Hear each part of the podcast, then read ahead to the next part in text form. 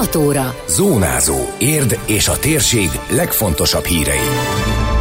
Marad a szigorú rendszabály, csak sürgős esetben és időpont egyeztetéssel fogad betegeket az érdi szakrendelő. Egy-két héten belüli nyitásra készül a Magyar Földrajzi Múzeum. Egységben az erő másodszor lett érd legösszetartóbb osztálya a Gárdonyis 8C.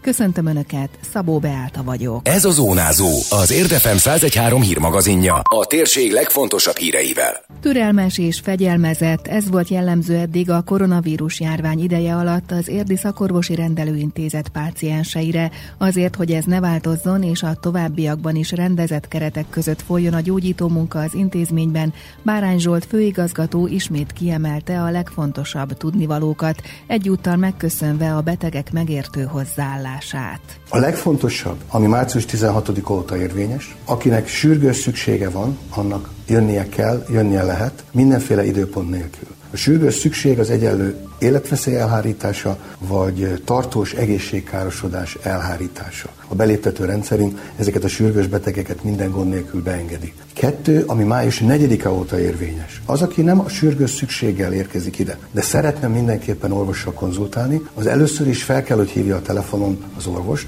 rendelési időben. Ezek az orvos elérhetőségek, rendelés elérhetőségek fönn vannak a mi honlapunkon www.érdérendelő.hu, tehát a rendelési időben fel kell, hogy hívja az orvosát, és az orvos úgy dönt, hogy látnia kell a beteget, akkor az orvos ad egy időpontot neki. Tehát jelen pillanatban nem a beteg kéri az időpontot, hanem az orvos adja. A főigazgató hangsúlyozta azt is, hogy egy orvos óránként maximum négy beteget láthat el, továbbá nagyon fontosnak nevezte, hogy nem működik a központi előjegyzés, vagyis a beteg nem kérhet időpontot, illetve a március 16-a előtt rögzített időpontokat törölték és telefonon értesítették az érintetteket.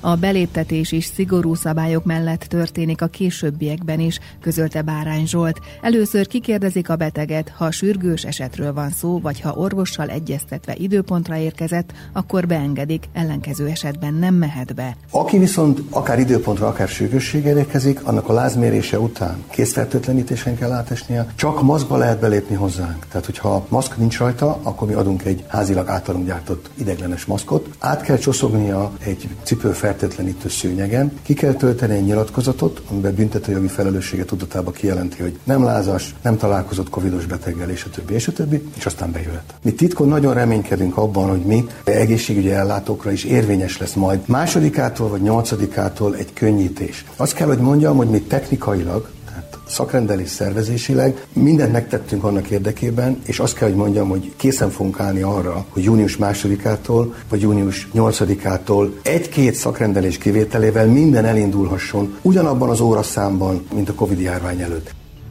Az említett kivétel a járvány szempontjából két nagy kockázatú beavatkozás lehet a fogszabályozás és a szájsebészet. A szakrendelésekről az érdirendelő.hu oldalon tájékozódhatnak, de a témáról további részleteket olvashatnak az Érdmoston is.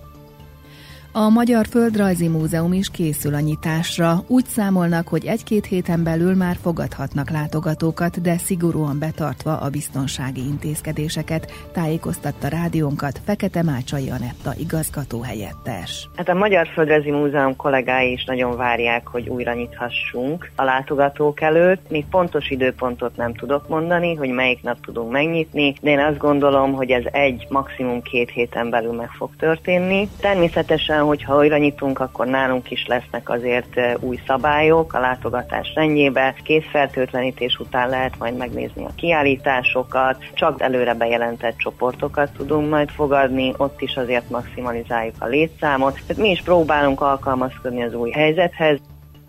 A Földrajzi Múzeum is több programot kényszerült törölni a járvány miatt, azonban az állandó és időszaki kiállítások az újranyitás után is várják az érdeklődőket, illetve van, amit későbbre halasztva mégis meg tudnak tartani, mondta az igazgató helyettes. Ugye a múzeumok éjszakája programot központilag is lemondták, tehát erre a programra már nem tudunk készülni, illetve a június másodikán megrendezésre került volna ugye egy Trianon konferencia, ezt pedig szeptember 8-ra kellett eltolnunk fogunk. Tehát az állandó kiállítások is látogathatók lesznek, illetve a földrajz kiállítás, ugye ezt a Magyar Kultúra napján nyitottuk. A Magyar Földrajzi Múzeum gyűjteményében nagyon sok szép grafika található többek között Csolnoki Jenőtől, Mendöl Tibortól, Prince Gyulától. Tehát ezekből kaphat egy válogatást a látogató. A kiállítás novemberig szerettük volna látogathatóvá tenni, de ugye sajnos a vírushelyzet miatt sokáig be kellett, hogy zárjunk. Emiatt meghosszabbítjuk március közepéig ennek az időszakos kiállításnak a nyitvatartását.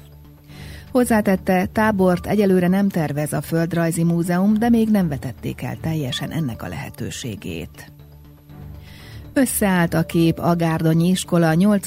C osztályában. Tavaly és idén is elnyerték az Érd legösszetartóbb osztálya címet, most egy általuk készített puzzle-val, amelyel azt mutatták be, hogy milyen erős közösséget alkotnak. Már Lászlóné osztályfőnök elmondta, hogy egy online osztályfőnöki órán újságolta el a jó hírt a diákoknak, és az örömüket az is fokozta, hogy az utolsó pillanatban tudták csak beadni a pályázatot, mivel már egy hónapja távoktatás volt, személyesen nem találkozhat maradtak. Összetartó erejüket az is mutatja, hogy ötödik osztály óta szinte mindenki részt vesz a közös eseményeken, például a Teszed személygyűjtésen tette hozzá.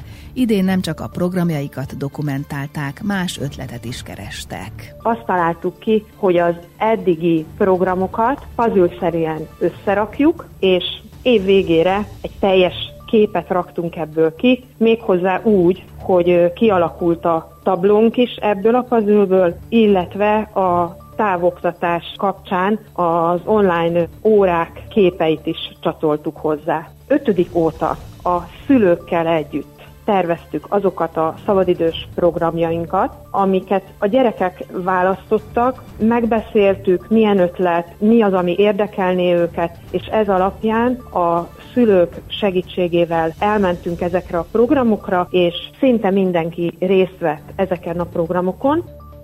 Az érd legösszetartóbb osztálya pályázatot a Szociális Gondozóközpont Család és Gyermekjóléti Központja 2015 óta minden évben meghirdeti.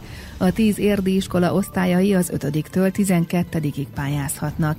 Kis Sándor szociálpedagógus elmondta, szeretnék, ha szociálisan érzékeny, egymást segítő közösségek alakulnának ki az iskolákban. És ez az iskolára is kihat, ugye az osztály, van egy osztály, amely megnyeri ezt a díjat, az azért felelősség felelősséggel is jár, és az iskola környezetére jobban oda tudnak figyelni, és nekünk ezek a céljaink, hogy ilyen osztályok, ilyen közösségek alakuljanak, akik erősítik egymást, és ugye megszeretik az iskolájukat, aki megszeret az iskolát és tesz az iskolájáért, az osztályáért, azután majd tenni fog a városáért is. Tehát itt a közösség formálásnak az erősítése a célunk, mert ugye ha együttműködünk, akkor sokkal több és szebb eredményeket tudunk elérni, mint egyedül. A második helyezett a Battyányi iskola 6. A, a harmadik pedig a Móra iskola 7. osztálya lett Falus Eszter, illetve Sas Bernadett osztályfőnökkel. A járvány miatt az ünnepélyes díjkiosztó elmaradt, most csak elviszik az iskoláknak az oklevelet és a pénzjutalmat. A következő érd legösszetartóbb osztálya pályázatra 2021. március 10-e a határidő. A nyertes Gárdonyis 8C egyébként búcsúzáskép tervez egy egynapos kirándulást, és megtartják a bank kettet is, hiszen, mint az osztályfőnökük elmondta, mindenki nagyon várja, hogy együtt legyen az osztály.